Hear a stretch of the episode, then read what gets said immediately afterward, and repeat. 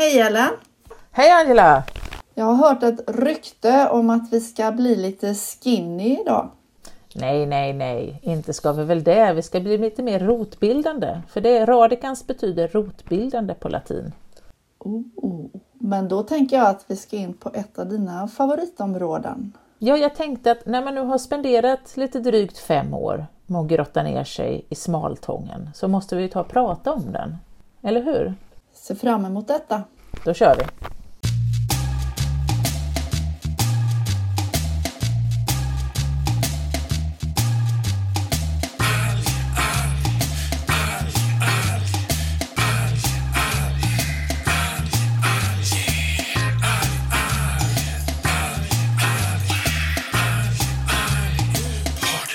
Smaltång, eller Fucus radicans som den heter, och radicans som jag sa det är ju rotbildande. Och det heter den därför att små delar av den här algen kan trilla av, segla iväg lite grann, landa på en hård yta och så fäster den sig på nytt. Hade det varit en landväxt så hade den bildat rötter men nu är det en alg så nu fäster den sig, bara bildar en ny fästplatta. Och så växer det upp en ny tångruska och då är det en klon av den plantan som den satt på tidigare. Och då har den förökat sig med fragmentering. Exakt, en form av asexuell förökning. Och varför förökar den sig asexuellt för? Jo, det gör den för att den finns bara i Östersjön.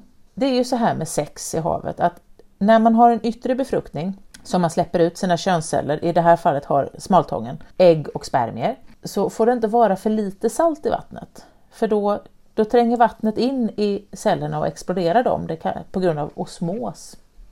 Och kommer ni inte ihåg vad osmos är för någonting från småskolan så var, för full poäng på tentafrågan så skulle det vara passiv transport över ett semipermeabelt membran. Tre poäng. Men du har glömt en sak. Du sa fucus radicans, men man börjar ändå fundera på, ser den ut ungefär som blåstång? Ja, för fucus radicans är nämligen bildad ur blåstången tror vi. Så den är väldigt lik blåstången men den saknar just blåsorna. Men den är smalare i bålen, därför har den fått det svenska namnet smaltång. Och det här kom från början av att Lena Kautsky, professor vid Stockholms universitet i marin botanik, hon såg två tångruskor på samma sten. Tång kan ju se väldigt olika ut i bålen beroende på om det är mycket blåsigt eller lite olika miljöer. Men här var det på samma sten och de såg så väldigt olika ut. Och då tänkte hon, det här kan inte vara samma art när de sitter bara några centimeter ifrån varandra och är så olika. Och den ena var mycket smalare. 2005 ungefär till 2007 så började man titta på de här genetiskt. Då var det Lena Kautskys doktorand Lena Bergström som till slut då, de kom fram till att det här var en ny art och så beskrev de den här arten och döpte den då på latin till Fucus radicans för att den hade det här rotbildandet, alltså den kunde sätta sig fast igen och smaltång på svenska. Var det en stor grej då skulle du säga? Ja, det var väl kanske inte så, att världspressen kom på besök, men jag tycker det är en ganska stor grej för det här var en av de första faktiska arterna som man har hittat som då troligtvis har bildats i Östersjön.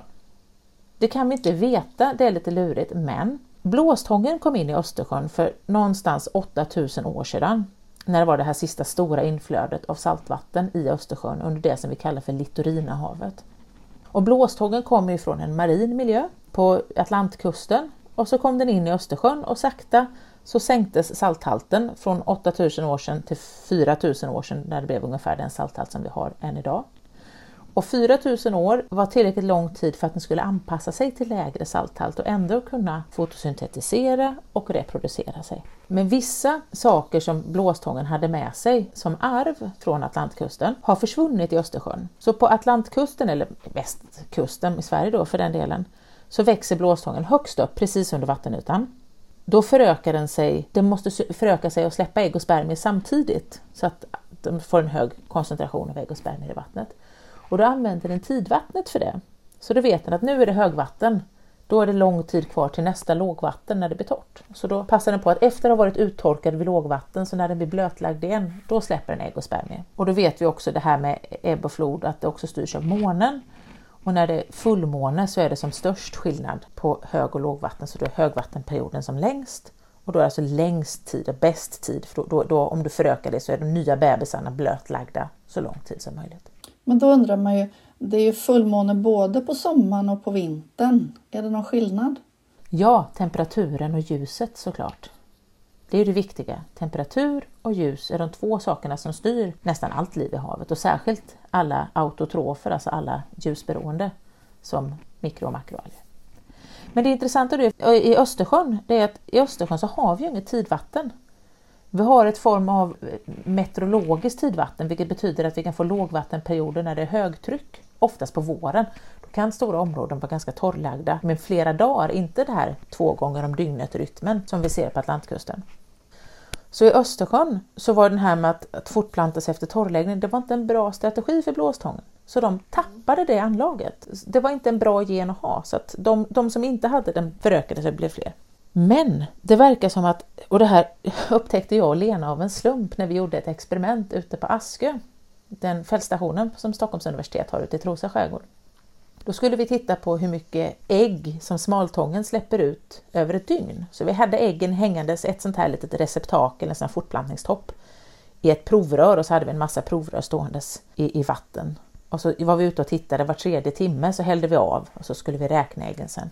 När man gör ett sånt experiment så känns det som en jättebra idé och sen kom man på att någonstans så kommer det här innebära att någon stackare får gå upp mitt i natten och det blev ju då jag. Mm -mm. Hackordning kallas det för. Ja, precis och sen så, så ja, helt enkelt så blev det. Och Lena är så bra på att räkna ägg så hon gjorde det istället. Men då var klockan jättemitt i natten och jag är ju inte en eh, kvällsmänniska som många vet. Och jag glömde att hälla på nytt vatten på en av de här receptaken. Nu gjorde inte det någonting för det, var, för, och det var så mycket mygg och kliade så jag var lite stressad där och så man vill bara in och sova igen. Och sen när jag kom ut för nästa mätning så upptäckte jag att men här har jag ju inte haft något vatten, rackarns. Så jag gjorde en notering att provrör nummer fem var utan vatten mellan klockan ett och klockan fyra. Och sen hällde jag på nytt vatten igen. Och, Och då visade det sig att i det provröret sen, när jag hade hällt på vattnet, så när Lena kom och tömde det nästa mätning, så var det jättemycket ägg i det. Vad hade hänt? Jo, då hade ju smaltången kvar den här som vi kallar för torr-release-triggern, att den släpper ägg efter att de har varit uttorkade en stund. Precis som blåstången på västkusten gör. Så min hypotes är ju då att smaltången som har bildats ur blåstången, att de gick isär, att den delningen skedde ganska snabbt efter att blåstången kom in i Östersjön innan blåstången som vi ser idag tappade den här egenskapen. För smaltången växer nämligen djupare än vad blåstången gör, 1,5 meter ungefär längre, så den blir aldrig, aldrig torrlagd. Och då har det inte funnits någonting som har gjort att den här torrlistriggen är ett problem. För du kan ju ha kvar en egenskap så länge den inte innebär en nackdel och för blåstången så innebar det en nackdel att ha kvar den här torrtriggen. För den växte så grunt och blev torrlagd fast på fel tider. Men för smaltången som växte djupare så har det liksom aldrig varit det vi kallar för ett evolutionärt tryck för att få bort den här egenskapen. Den har bara funnits där men vi har inte använt den. Ungefär som ballongvispen i lådan i köket. Så att där var den. Men skulle du säga, är det ett exempel på en ovanligt snabb artbildning eller tror du att det finns fler? Vi vet ju att det även finns en plattfisk i Östersjön som också blev två så att säga. Där skillnaden var att eh, den ena arten la ägg som flöt högre upp och den andra arten la ägg som sjönk ner på botten. Och så blev det liksom en, en separation där och så blev det två olika arter. Och Östersjön är ju unik på många sätt så att det är ju inte, väldigt, det är inte så väldigt konstigt. Nej, och det unika där kan man fundera på vad är det som är unikt? Jo, men det är ju dels att det är ett väldigt ungt hav. Det har ju bara funnits i ungefär någonstans 10 000 år kan vi höfta på, 10-13 000 år. Men det har också bytt skepnad salthaltsmässigt så många gånger. Från att vara smältvattensjö, alltså färskvatten, och så var det salt och sen var det sött igen och sen var det salt igen och nu har det liksom blaskat ur till något bräckt. Så det är ju inte alls den här stabila miljön som vi ser i Stilla havet som har liksom varit samma samma i miljoner år. Östersjön är ju fortfarande liksom en, en ny och spännande sak där grejer kan hända. I och med att det också då är en bräckt miljö så betyder det att det hela tiden är ett tryck på organismen att anpassa sig. Och då blir det just sådana här spännande anpassningar. Som en sån här sak med att den förökar sig med fragment är ju då en sån här anpassning som vi ser och särskilt då i de populationerna som växer längst in i Östersjön, alltså i norra Bottenhavet.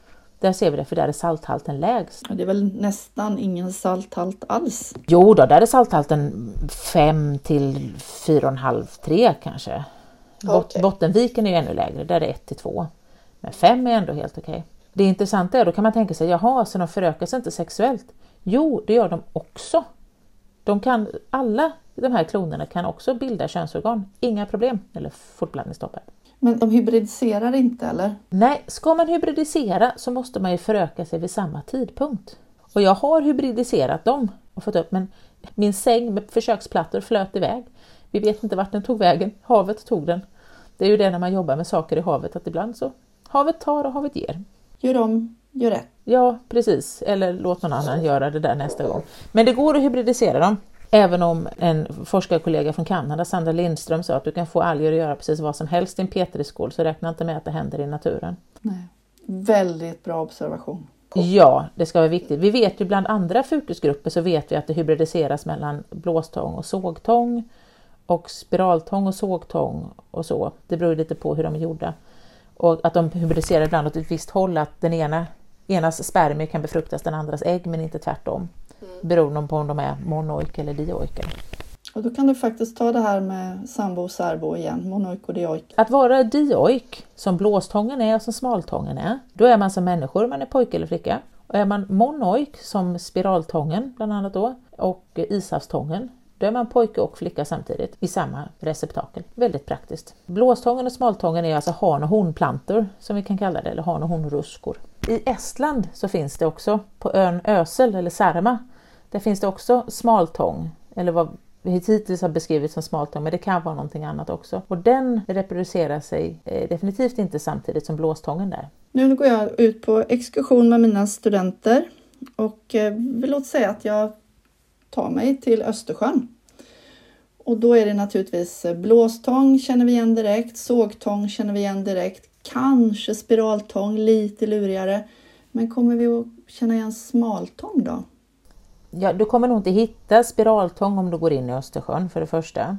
Du kan däremot, beroende på vad det är, skulle du vara nere vid Kiel i Tyskland så kommer du kunna hitta ishavstång. Oh. Ja, den finns där i Kielkanalen så har den liksom traskat in där. Sågtången hittar du om du är söder om Gryts skärgård. Där finns det, men sågtången vill ju absolut inte bli, bli torrlagd på något sätt så den växer djupare. Och i Östersjön så är det ju inte så mycket konkurrens om de här stora algerna eftersom de inte finns. Så på västkusten så växer ju först blåstången allra, allra, allra högst upp och sen kommer sågtången och sen kommer de stora såna här laminaria och sakarina. Men det är inte det att blåstången och sågtången vill växa där uppe. De skulle gärna kunna tänka sig att gå ner lite grann, men de kan inte slåss med de här stora grabbarna. Men vid Kullaberg i Skåne så försvinner de här stora brunisarna och då har vi något som vi kallar för brackvattenssubmergens. Brackvatten, ja, mindre salthalt än 15 och submergens alltså går, sänks ner i vattnet så att blåstången i Östersjön kan ju breda ut sig mycket, mycket djupare. Där breder den ju ut sig antingen tills att hårdbotten tar slut eller till att det blir för lite ljus. Och då har vi sett, jag har uppe i, på Gräsö så har jag sett blåstång på 11 meters djup. Wow! Ja, ja, så den kan gå hela vägen ner dit. Det är bara liksom, om det inte blir för grumligt i vattnet så kan den gå väldigt, väldigt djupt. Och det, jag menar, vad har vi på västkusten? En blåstång på en halv meter max. Mm. Så det är ett konkurrensförhållande. Så sågtången växer också väldigt djupt, särskilt där på östsidan om Öland och runt Gotland så har det funnits mycket sågtång, det har försvunnit en hel del. Det där, det där är spännande, tycker jag. Då, då tänker vi så här, kommer ni känna igen smaltång? Mm. Det här är ju svårt. Jag tycker det är jättelätt när man ser de två tillsammans. Men nu ska vi tänka på, jag har stått och stirrat på smaltång heltid i fem år. Det låter lite sjukligt Ellen. Borderline religiöst kanske. Det är väl viktigt kanske att skaffa sig någon annan hobby vid tillfället. Jag har en, en kollega som har sagt till mig att definitionen av semester för mig är att jag inte aktivt får uppsöka tång. Bra tips. Ja, jag, jag känner att det, det, jag försöker med det. För alla er övriga så är rekommendationen när semester uppsök tång. Aktivt. Yeah. Så smaltången, om du tänker dig och nu, nu, nu, får våra kära lyssnare här försöka visualisera, men blåstång är ändå någonting som många kan visualisera framför sig. Annars så tittar man på eh, Tångbloggen. Just det. Så antingen så kan man fuska och titta på Tångbloggen eller så kan man lyssna på när jag försöker förklara här nu. Eller så kan man kombinera. Blåstången en ganska bred bål och så har den något som kallas en mittribba, en liten mörk sträng mitt i. Om man tittar hur den blir mot topparna så böjer den ut, den blir nästan lite så som Musse Pigg-öron. Smaltången är mycket rakare. Den har inte alls den här breda sidovingarna jämfört med den här mittribban utan den är ganska så smal på sidan där.